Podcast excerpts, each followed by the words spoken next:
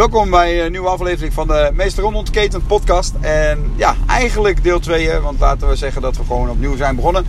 En um, ja, de tweede podcast, het inzicht. Vandaag een leuke judoles en in die judoles, daar, uh, daar zit een uh, jongen met uh, syndroom van Down. En ja, dat is zo gaaf. Het is zo'n mooie kerel, die is zo puur. En voor mij als lesgever is dat echt een hele goede graadmeter. Want ja, soms corrigeer je een, judoka op gedrag. En dan ben je of heb je te lang gewacht met corrigeren, of je bent iets te vroeg met corrigeren, of uh, te stevig of te soft, nou ja, wat dan ook. En het mooie is, bij deze jongen krijg je direct feedback, direct. Dus als ik te stevig doe, dan, uh, dan merk ik het ook gelijk aan zijn houding. Als ik het uh, te soft doe, dan merk ik ook dat hij er niks mee doet. Um, als ik te lang wacht, dan weet ik ook gelijk dat het niet meer te corrigeren is. Dus het is heel duidelijk. En hoe fijn is dat voor mij als lesgever? En, voor zijn omgeving en alles. Hij is gewoon super puur. En wat kunnen wij daarvan leren? Ik denk een heleboel. Ik denk echt dat, dat het een, een, een nou ja, sowieso, het, ik mag deze jongen ontzettend graag. Ik vind hem echt super gaaf super leuk om hem uh, in de les te hebben. En, en ik ben daar ja, heel dankbaar voor. Maar wat wij kunnen leren is die puurheid. Dus door gewoon puur te zijn, ben je ook heel duidelijk. En zowel leerling als leraar, maakt niet uit. Als je gewoon heel puur bent op een, op een ja, ik wil zeggen op een nette manier, maar ik ken deze jongen alleen maar als netjes. En het is zo mooi hoe hij aangeeft waar de grens ligt. Hij zegt gewoon niet zeuren. dat is ook heerlijk. Ik zal even een stukje vanuit de les pakken. Ik geloof de eerste les in de reguliere judogroep. je moet het zien, ik ben een paar weken op, de school geweest waar hij ook op zit.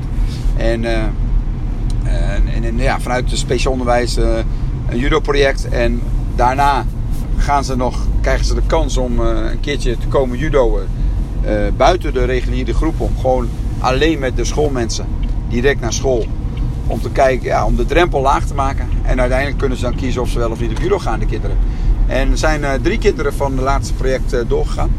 Waaronder deze jongen. En ja, de eerste les dat hij in de, in de groep zat was heel mooi. Was, uh, hij, ik legde iets uit. Aan, ik, ik heb met kinderen als ze zichzelf zeer doen. Deze jongen, niet, niet persoon waar nu over gaat, maar een andere jongen die kreeg een bal vol in zijn gezicht met een spelletje. En ja, dat deed de jongen zeer, dat was duidelijk. Maar het is ook vaak heel veel schrik natuurlijk. Dus ik vraag dan altijd, hoeveel pijn doet het van 0 tot 10? En 10 is dan maximale pijn. En dan zeg ik dan bel ik de ambulance. En 0 is niks aan de hand. En uh, nou, dan geven ze een cijfer.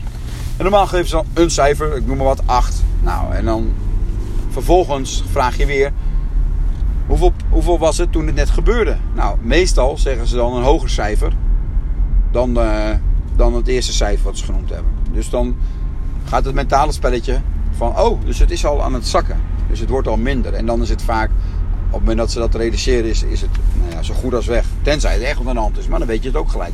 Dus dat, dat werkt dat goed. Alleen dit keer werkt het niet zo goed, want die jongen die snapte mij niet. Dus ik ging het verhaal nog een keer uitleggen van hoeveel pijn heb je en bla bla bla. En toen kwam deze jongen naar me toe, die, die tikte op mijn schouder. Dus niet de jongen die pijn had, maar de jongen met het syndroom van Down.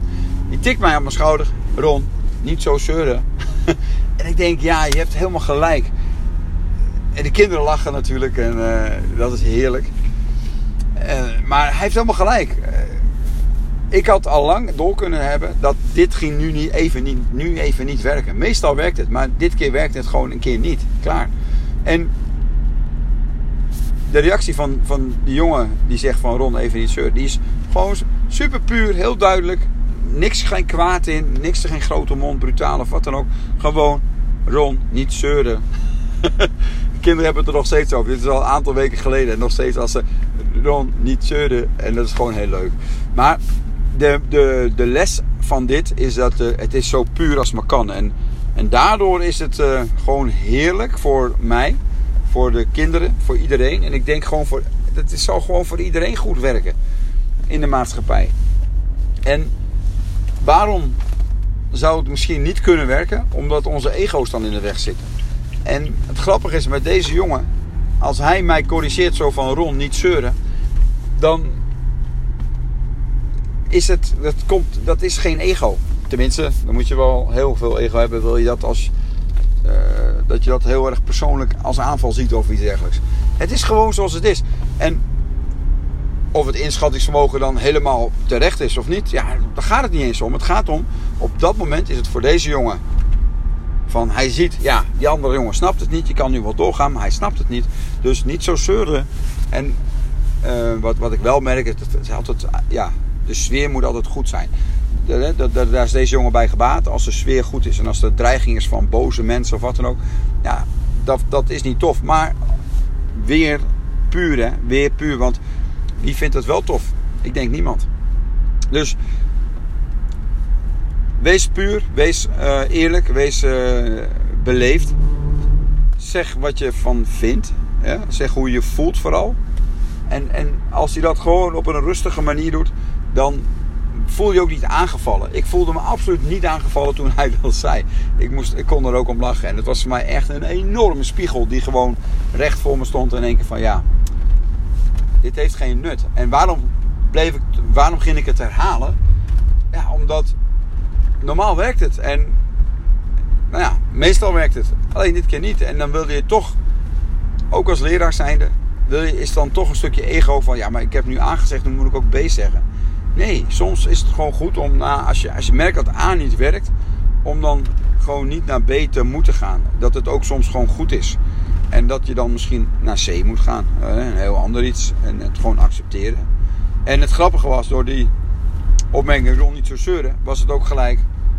Uh, ja, toen moesten al die kinderen lachen. En het was bij die jongen ook gelijk goed. Dus uh, dat werkt ook. En, en dat is natuurlijk. Dus, dus de, de, de, ja, het is wees puur. Dat is natuurlijk waar het om gaat vandaag in de podcast. Maar tegelijkertijd is het natuurlijk ook wat je aandacht geeft groeit. Hè? Want als je iemand die een beetje pijn heeft, een kind in een les, en je gaat het heel veel aandacht geven, ja, dan, dan wordt het meer. En als je, het, als je het kind afleidt, dat is natuurlijk ook het idee van 0 tot 10, ja, dan wordt het heel snel minder. En dus twee dingen eigenlijk weer. Dus één, wees puur, wees oprecht. Dan is het eigenlijk altijd goed. Sluit heel erg aan bij de vorige podcast over het hier en nu. En uh, ja, uh, het tweede inzicht is, uh, ja, wat je aandacht geeft groeit. En zal, uh, daar ga ik vast nog een keer een andere podcast over wijden, aanwijden.